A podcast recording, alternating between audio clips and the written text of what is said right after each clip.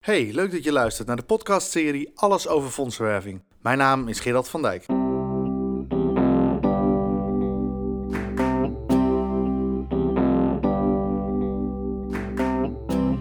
Je luistert naar een podcast van Krantio Fondsenwerving.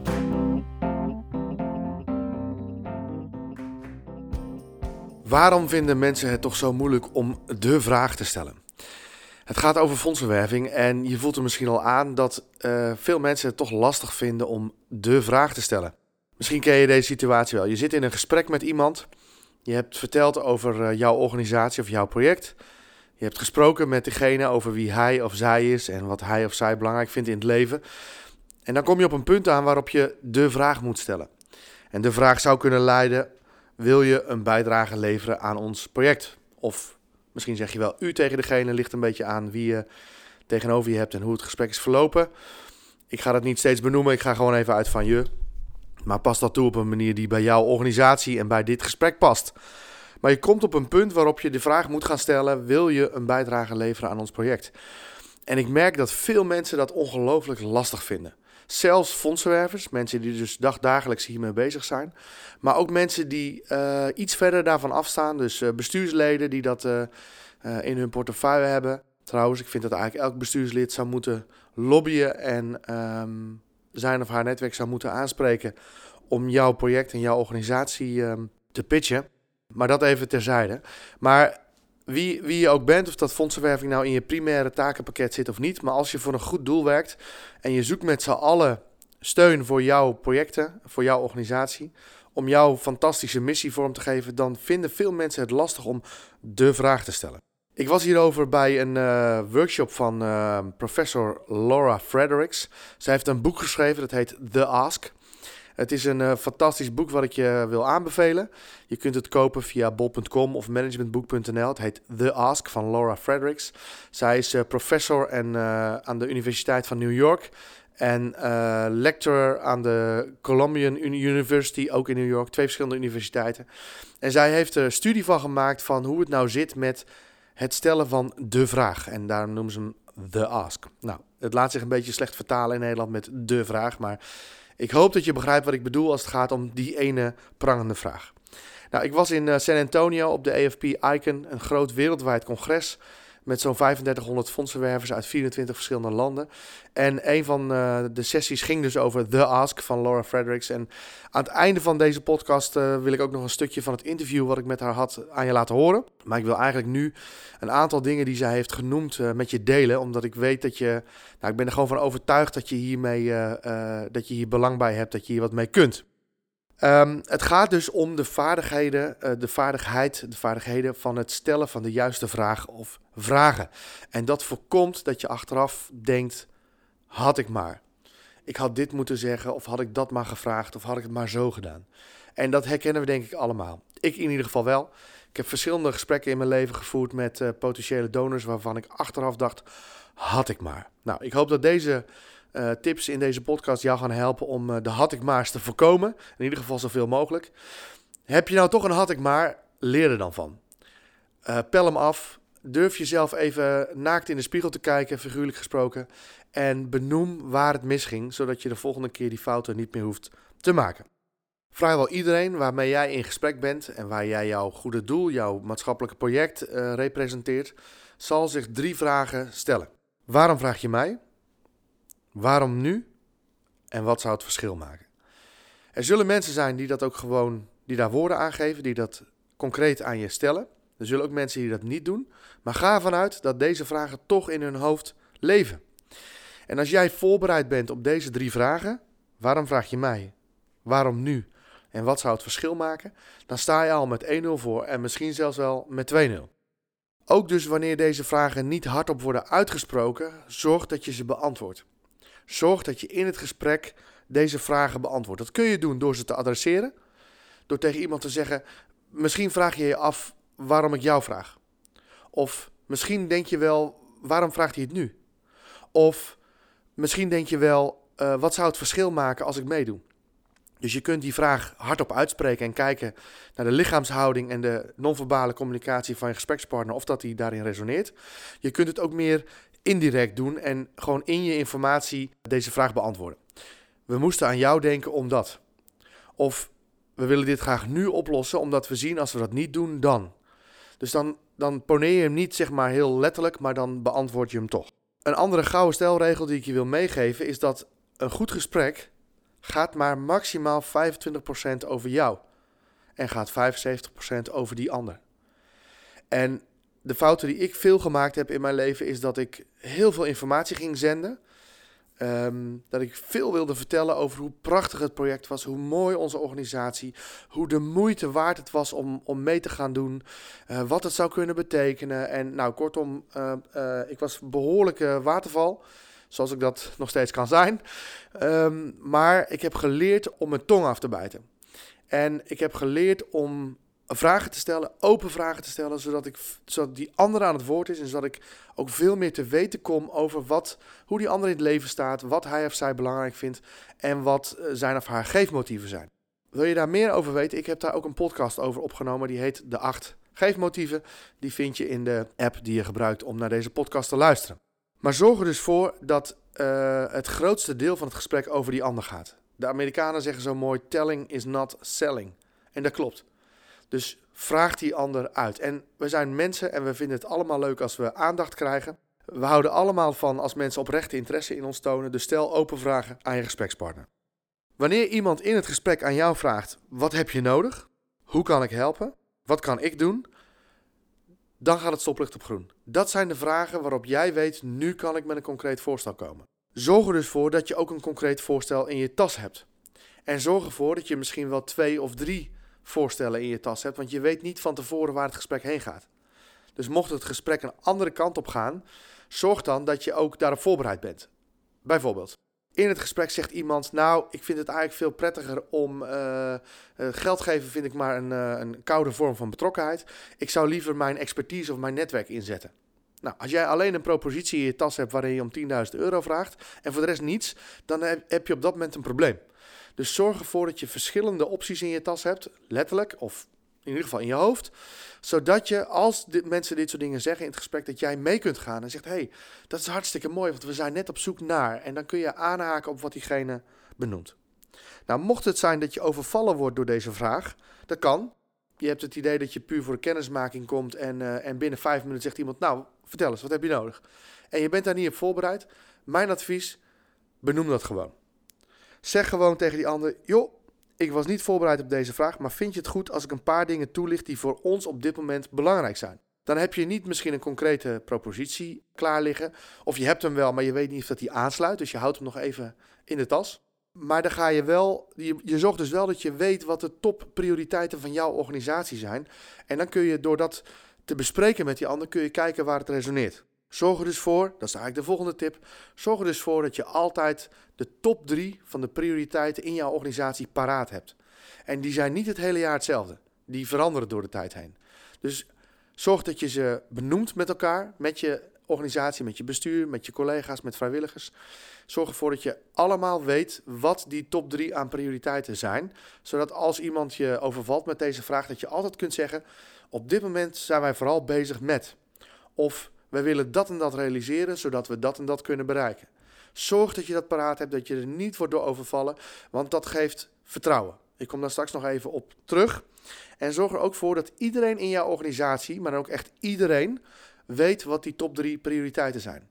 Het zal je gebeuren, en dit is een voorbeeld uit de praktijk, dat een potentiële donor in, uh, bij de receptie van een goed doel staat te wachten tot die netjes wordt afgehaald en aan de telefoniste vraagt: wat speelt er eigenlijk op dit moment binnen jullie organisatie?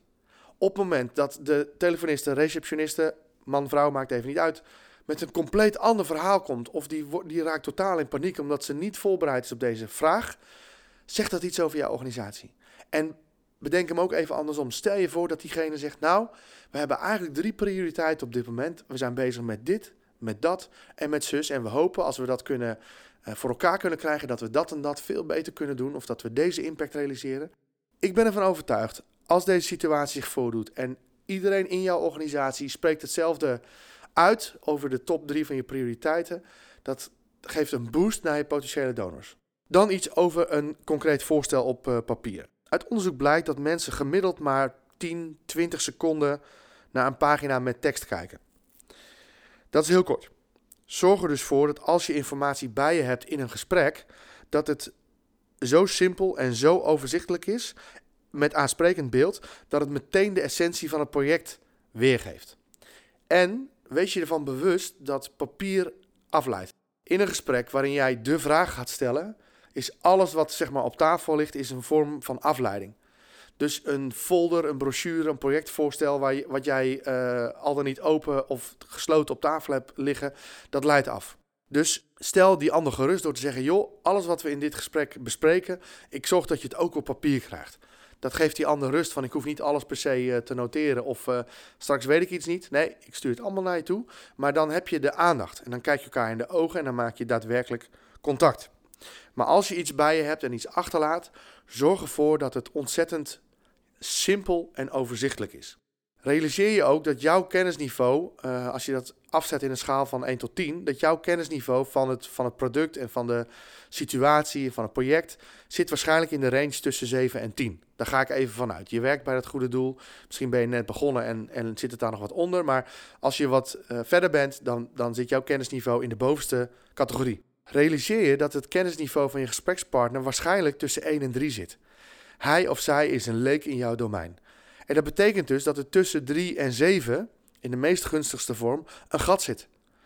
En dat betekent dus dat je niet moet vallen, vervallen in, in vaktaal, in allerlei aannames van die ander zal dat wel snappen.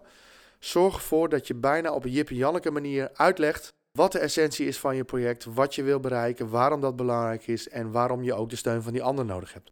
Laat niets aan interpretatieverschillen over en check dus ook aan diegene is het duidelijk wat ik net met je heb besproken.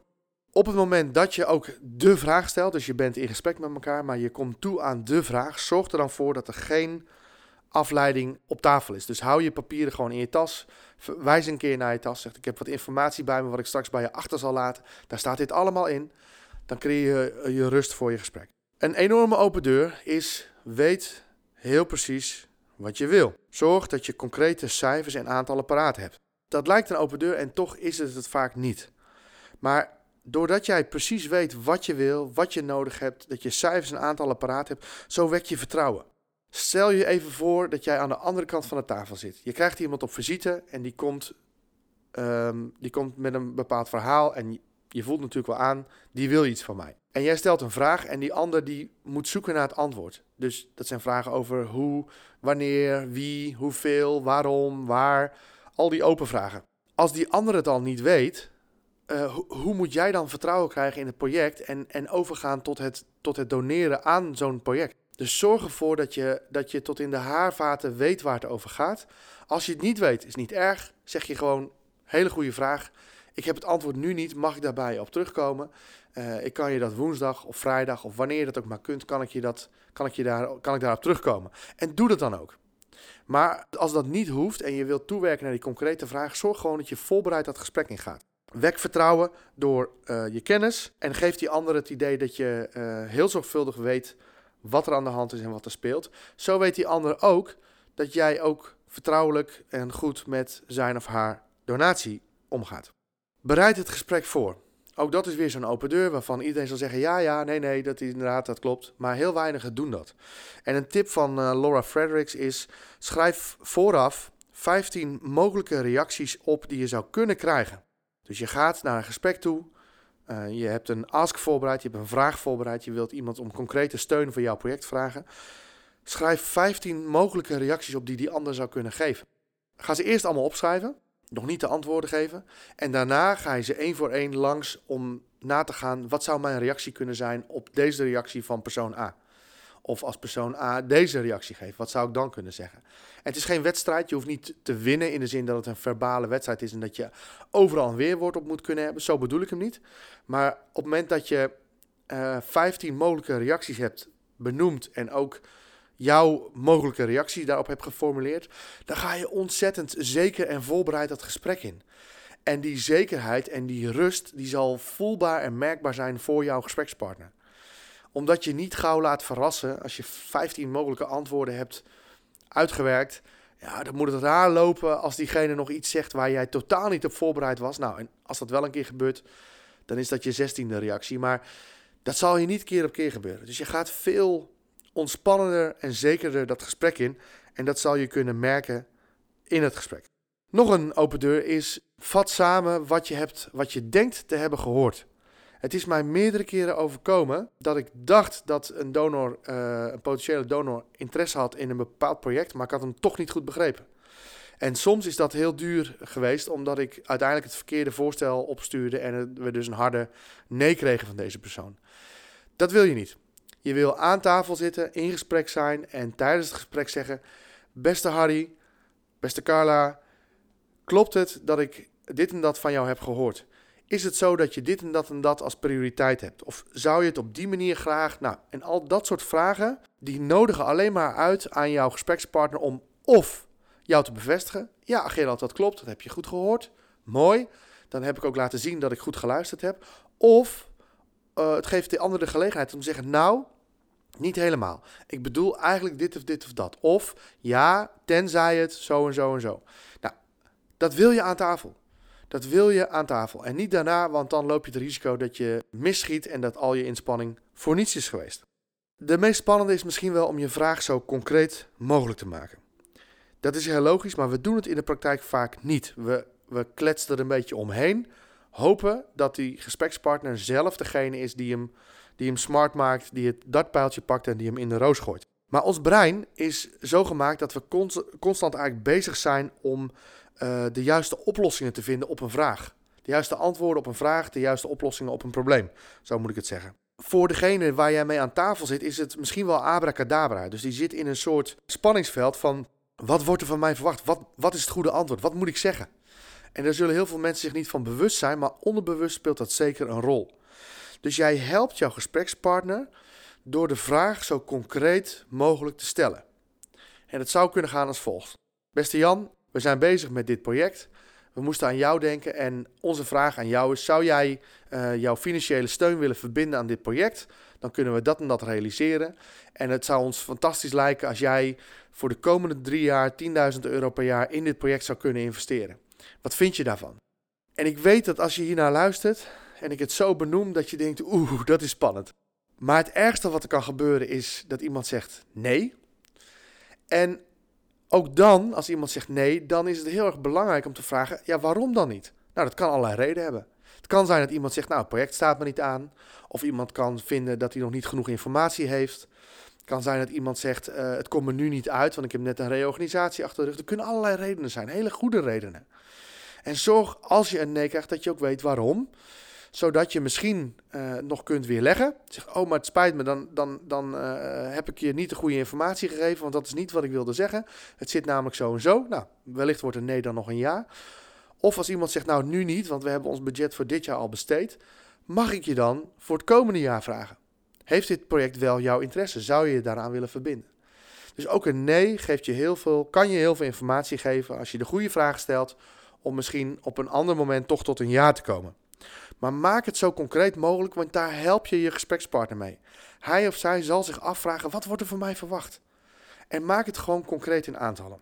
Aan het einde van deze podcast uh, stel ik ook nog een vraag aan uh, Laura Fredericks daarover en zij heeft daar ook een, uh, een mooi antwoord op. Het is ook belangrijk dat je de vraag oefent. Veel mensen vinden het spannend om de vraag te stellen, omdat ze dus niet goed weten wat die ander zal zeggen, hoe die ander zal reageren.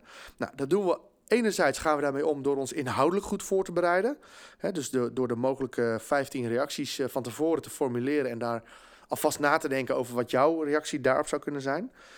Maar we moeten het ook fysiek oefenen. Ga voor de spiegel staan. Stel de vraag aan jezelf en raak ermee vertrouwd. Als je het spannend vindt om de vraag te stellen, moet je zorgen dat je het niet meer spannend vindt. Nou, en hoe, hoe, hoe werk je daaraan dat je het niet meer spannend vindt? Door het gewoon keer op keer te doen. Door jouw lichaam en jouw hele lichaamshouding en je, en je, je, je houding en je, je, dus de, het, het geluid van je stem op het moment dat je hem vraagt, gewoon te oefenen. Gewoon te oefenen. Ga niet spastisch lopen doen. Probeer gewoon echt eventjes voordat je uh, aan, de, aan de slag gaat met deze oefening, even een momentje rust te nemen. En je in te beelden dat je in dat gesprek zit. En wees vooral gewoon jezelf. Ga niet iemand zijn die je niet bent, want dat, dan val je direct door de mand. En kijk jezelf dan in de spiegel aan en stel de vraag. En kijk daarbij hoe je, hoe je doet. En echt waar, als je dit 10 of 20 of 30 keer hebt gedaan, dat voelt heel gek. Maar het gaat je helpen om als het moment daar is, eh, dat jouw lichaam en jouw brein denkt: ja, ik ken, ik ken deze vraag. Ik heb dit al vaker gezegd. Ik heb het al vaker gedaan. Dus je voelt je daarin rustiger en zekerder. Goed, dan wil ik het hebben over mensen geven aan mensen. Mensen geven niet aan jouw organisatie, ze geven aan jou. En dat klinkt misschien gek, want jij denkt het gaat helemaal niet om mij. Nee, dat klopt. Uh, je vertegenwoordigt een, een, een ideaal waar jouw organisatie voor staat, een missie die jullie willen bereiken. Maar in het gesprek zijn drie dingen heel erg belangrijk. Dat is kennen, waarderen en vertrouwen. Dus mensen moeten jou kennen en jouw organisatie. Ze moeten weten zeg maar, wie je bent. Dat is belangrijk. Ze moeten je waarderen, dus ze moeten het je gunnen. Het kan zijn dat je geen klik met iemand hebt. We zijn allemaal mensen. Als dat zo is, is de kans dat iemand toch gaat geven vrij klein. Dus ze moeten je waarderen en, en uh, jou het gunnen. En ze moeten je vertrouwen. Dus ze moeten ook zeker weten, als ik overga tot het doneren, dan komt dat goed terecht en wordt mijn gift uh, zorgvuldig besteed. Dus de tip die ik daarbij heb, wees ook gewoon vooral mens. Uh, vertel iets over je kinderen, vertel iets over je hond of over je hobby's. Denk daarbij aan de 25-75% verhouding. Dus ga niet eindeloos uh, over jezelf praten. Maar soms kan het uh, heel leuk zijn als je iets vertelt over je hobby's. Zeker als je in de ruimte waar je bent iets herkent wat die ander misschien ook heeft. Hè, dus ik ben heel erg uh, zelf bezig met, ik hou erg van zeilen. Uh, mijn naam, Grand U, betekent dat ook oploeven, dichter aan de wind varen. En op het moment dat ik daar iets over vertel, kan het zijn dat die ander zegt: Oh joh, leuk, en uh, dat, ik ook. En uh, waar ben je al geweest? Nou, dan hebben we in één keer, van niets, hebben we in één keer een inhoudelijke klik. Dat kan zo gebeuren. In je gesprek is het ook belangrijk om oma thuis te laten. Laat oma thuis. Nooit meer vergeten, oma staat voor oordeel, mening en aanname. Het kan dodelijk zijn als je een aanname doet omdat je denkt dat die persoon, nou ja, welvermogend, niet vermogend, uh, wel geïnteresseerd, niet geïnteresseerd, uh, politiek rechts, politiek links. Nou, al die aannames die kunnen echt, die kunnen dodelijk zijn. Daar kun jij echt op uitglijden. Dat wil je niet. Dus zorg ervoor dat je gewoon open vragen stelt, zodat je je dossier kunt bouwen en ook echt onderbouwd kunt aangeven. Deze persoon zit zo en zo in elkaar, vindt dit en dat belangrijk, is wel religieus, niet religieus, zit politiek links of politiek rechts, houdt van sport of houdt niet van sport, nou, et cetera. Maar stel vragen waardoor je dat gewoon feitelijk kunt vaststellen. Dus volgende tip, laat oma thuis. Oordeel, mening en aanname. Wat ik ook vaak als uh, vraag krijg van mensen is: wat doe je als iemand aangeeft, ik wil er even over nadenken? Nou, dat kan. Uh, natuurlijk uh, moeten mensen niet het mes op de keel zetten of voet tussen de deur. Dat werkt niet. Dat willen we ook niet. Alleen, het kan ook een reden zijn om een soort ja, ontsnapping uit het gesprek. Nou, dat moet je niet willen. Dus als iemand dat zegt, ik wil er even over nadenken, dan zou ik altijd reageren als volgt, of iets in dezelfde strekking. Dat snap ik uiteraard, maar mag ik vragen waar u of waar je over na wil denken? En als je dat ontspannen die vraag stelt, dus niet geforceerd van je moet antwoord geven, maar veel meer van hey, ik ben even benieuwd, waar zit het voor jou? Dan, dan is mijn ervaring dat uh, de meeste mensen daar heel positief op reageren. Of je kunt iemand helpen, kan zeggen, hey, is het misschien de hoogte van het bedrag? Of is het het moment?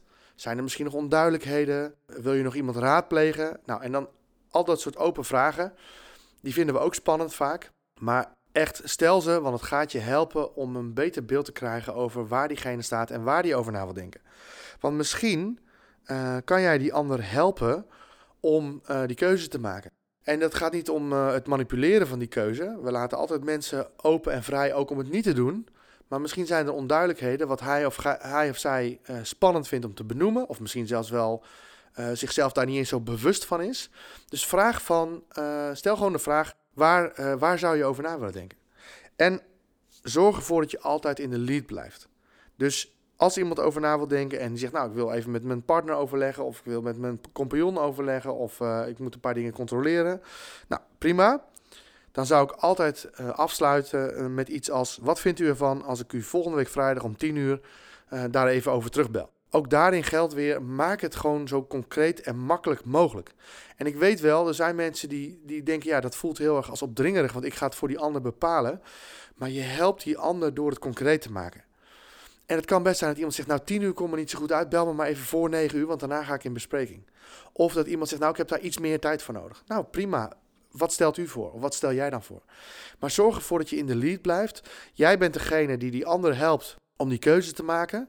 En belast die ander niet met dat hij in zijn of haar agenda moet schrijven: Oh ja, ik moet Gerald nog terugbellen. Nee, ik bel jou terug. Ik, ik word daarvoor betaald. Ik ben degene die eh, de organisatie representeert. Dus ik neem even contact met jou op. Nou, de laatste tip die ik eigenlijk aan je wil geven voordat we schakelen naar uh, Laura Fredericks en het interview wat ik met haar had in uh, San Antonio, is manage de verwachtingen. En ook dat lijkt natuurlijk weer een enorme open deur, maar um, we maken het vaak niet concreet. Dus je zou kunnen zeggen, uh, je zou iets als volgt kunnen zeggen: als u een donatie geeft aan dit project, hoe zouden we u op de hoogte kunnen houden van de ontwikkelingen?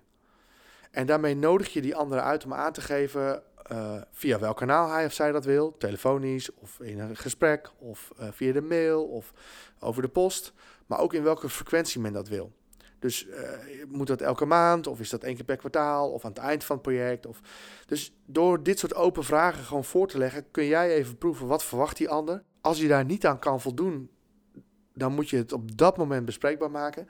En niet eerst uh, de hele proces rondom de, de, donatie afronden en dan pas zeggen: ja, nou ja, u wilde dat wel, maar dat lukt eigenlijk niet. Nee, op dat moment gelijk noemen. Dus als iemand zegt, als iemand iets aan je vraagt wat je niet kan waarmaken, benoem dat gelijk. Zegt: ik snap dat u dat wil, voor ons is dit helaas niet mogelijk. Eh, kunnen we kijken naar een alternatief? En op dat moment geef je iemand nog steeds, neem je iemand serieus, geef je hem ook de gelegenheid om te zeggen: oh, maar alternatief A is voor mij ook prima. Nou, hartstikke mooi. En als het echt niet wil, ja, dan zul je toch ook gewoon dat moeten zeggen en die keuze bij die ander moeten laten. Of dat hij dan door wil gaan met het doneren, of misschien wel niet. Uh, maar ook dan, dat voelt als pijn en dat is natuurlijk niet leuk, maar ook dan neem je wel de beste weg. Want als je doorgaat met iets waarvan je al weet dat je er niet aan kunt voldoen en het geld is al overgemaakt, wat doet dat met die ander? Nou, die houdt daar een ongelooflijk rotgevoel aan over. En dat heb ik zelf ook. Als ik eenmaal ergens ja tegen zeg en het blijkt toch niet zo te zijn als dat ik had verwacht, maar ik kan niet meer terug. Ja, dan, dan ben ik niet blij. En dan, dan, dan misschien deel ik dat ook wel met andere mensen. Dat wil je niet. Wees dan bereid om je terug te trekken en niet uh, toch door te zetten. Nou, we gaan nu even schakelen naar het uh, interview wat ik had met uh, Laura Fredericks op de AFP Icon in San Antonio. So I'm right here at the AFP Icon with Laura Fredericks. It's so wonderful to have you here for a moment. Thank you for your time. And in the last presentation, you talked about the ask. Mm-hmm. And a lot of fundraisers or volunteers or board members have difficulties with asking. Mm-hmm. Can you explain us why? They're afraid of the response. They don't want to be caught unprepared. They don't want to look like they don't know what they're doing. It's not no, it's not rejection, is they're not prepared to do it, so they talk themselves out of it.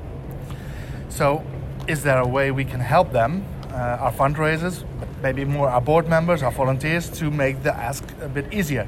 Yes. So if you're caught off guard, just remember always prepare. The person's going to think, why me? Why now? What will it do? So if you always have the answers to those three questions, you're pretty prepared, and it'll make you feel better when you do ask. But I can al- almost hear a board member think, uh, what if they ask something else, which I'm unprepared to? Is there a way to solve that? Yeah, the next time I always tell people write down like 15 things you think the person's going to say, and then what you'll say to that, and then you're more prepared. Now, it's difficult with board members, they don't want to put the time. So if they can have a staff member bolster up the board's ask and the 15 things that people might say, it, it really, really works. It's time consuming, but it does work. So is does it also help when you prepare it for your board members, or do they have to be a part of it, of the process? I would highly recommend that you do 15, the board member does 15. The board member will never do 15. so you bring in your 15 and say, what would you add? And do it that way because it's our job to make them, you know, easy and facilitate things. Oh, so, gentle. Yeah, yeah, go gentle, go gentle. They're volunteers. Don't beat them up. oh, wonderful, wonderful. And my final question: What would be your number one tip for fundraisers all, all over the world? Make sure you ask for enough lately people really want to do something transformational. So if you're going to make an ask, think clearly. Make sure you say, We thought of this, it's designed for you. This is so transformational for us. We want you to be with us for a long, long time. But then I can almost hear a fundraiser think, what if I ask for, let's say, 50,000 and the person is only able uh, to give 10 or 5? Say, 10 and 5 is a wonderful gift, but at least you know they know where you want them to be. That's the whole part of it. You can't pull numbers out of the sky, but if you really your organization really needs 50, say we need a handful of great family members to give 50,000, this is why, can you be one of them? If they come back and say we can only do 10, 10 is great, I always say life is large and long, and perhaps in another time we can talk about that $50,000 gift. But what that did is it planted the seed. Okay, so but then people won't feel embarrassed because you ask too much. No one is embarrassed that, they, that you ask too much if you say it the right way and you say there was a design for you. It is more embarrassing when the person could have given more, what was asked for less, because they think there are people better, richer, and smarter that are being asked for that amount and they're not in that circle. So less asking is more embarrassing than over asking. Absolutely. Okay, thank you so much for your time. It was wonderful to have you here. I wish you all the best. Thank you too. En dat was Dr. Laura Fredericks, live vanaf de AFP Icon in San Antonio. Het gesprek wat ik met haar had. Je hoorde wat geroezemoes op de achtergrond. Er waren nog zo'n 3500 anderen aanwezig. De laatste tip die Laura Fredericks aan ons meegeeft is: je kan beter iets te veel aan iemand vragen dan te weinig. Dus het is niet zo erg als je meer van iemand vraagt dan hij of zij kan geven, dan dat je minder vraagt dan wat hij of zij kan geven. Dus wees niet te bescheiden in de gesprekken die je voert. Dat was het voor nu. Ik hoop dat deze podcast uh, jou helpt in de gesprekken die je voert met mensen in je fondsenwerving. We hebben een prachtig vak. We helpen om de sociale missie te realiseren door anderen daarbij te betrekken. Bedankt voor het luisteren naar deze aflevering en graag tot de volgende keer.